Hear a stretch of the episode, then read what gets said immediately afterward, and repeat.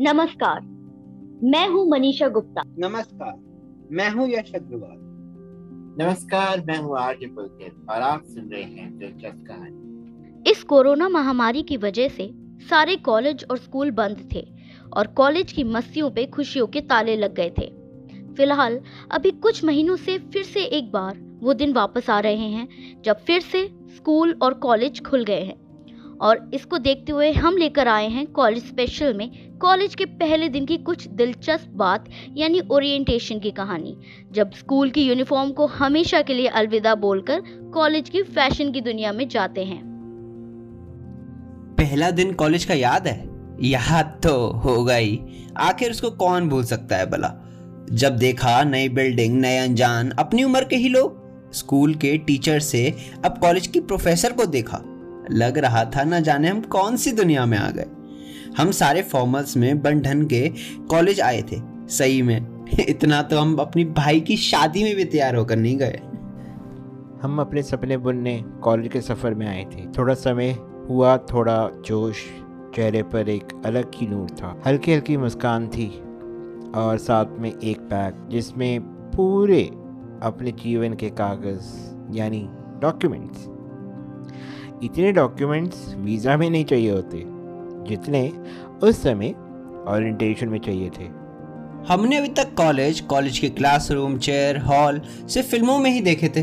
और आज वाकई उन क्लास में बैठे हैं हम उसका तो आनंद ही कुछ और था। टीचर कॉलेज रूल्स समझा रहे थे जो हमारी समझ के थोड़े से बाहर थे। आप में से कितने लोगों को समझ आए थे ये forms departments anti ragging squads sports cultural activities assembly placements और न जाने क्या क्या बाप रे, दो घंटे का पूरा पकाऊ लेसन था। पर मेरे जैसे लोग उस लेसन में मस्ती करने लगते हैं, ख्याली पुलाव बनाने लगते हैं चुपके चुपके किसी ना किसी लड़की को देखते रहते हैं।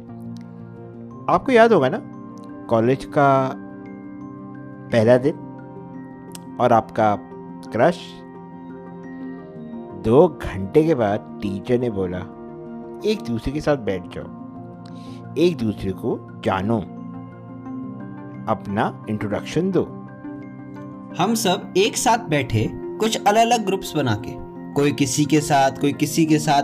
पहले दिन से ही पता चल गया था इस क्लास में कितनी यूनिटी रहने वाली है। कोई अपने बारे में बता रहा था कोई सिर्फ़ सुन रहा था कोई थोड़ा बात करने में शर्मा रहा था, कोई चुप ही नहीं हो रहा था, कोई शो ऑफ़ भी कर रहा था, कोई संस्कारी भी दिख रहा था और कोई शरारती भी दिख रहा था। लंच टाइम का समय हुआ। अब समय था वहाँ जाने का जहाँ कॉलेज के आधे दिन वहीं गुजारने थे।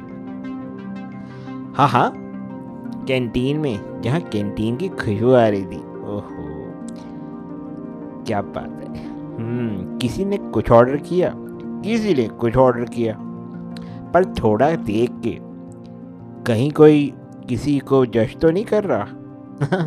उस दिन सारी तमीज बाहर आ रही थी। लंच टाइम खत्म हुआ। फिर से हम सब लोग अपनी अपनी क्लास में गए और वहाँ हुआ आइस ब्रेकिंग सेशन बर्फ़ तोड़ सेशन सही मायने में फ्रेंडली रैगिंग कहते हैं। फ्रेंडली रैगिंग से वाकिफ होंगे ना? जहाँ हमने रैगिंग से सीनियर्स को करते सुना था, पर पहले दिन टीचर भी कर रही हैं। इसका किसी को भी अंदाज़ा नहीं था। तब अपने आइस ब्रेकिंग सेशन याद कर रहे होंगे, वो फनी गेम्स, लड़कों को कजरा रे कजरा रे, तेरे कारे कारे नैना। पर नचाना था और लड़कियों को हुड़ हुड़ दबंग दबंग दबंग दबंग, हुड़ हुड़, दबंग दबंग दबंग दबंग। पर नचाना था। सब हँसते हँसते डांस कर रहे हैं, कुछ शर्मा रहे हैं और बहुत कुछ। शुरू होगा कॉलेज का सफ़र कुछ इस तरह। ये किसी को पता नहीं था। पर जो भी था वाकई मज़ा बड़ा आया।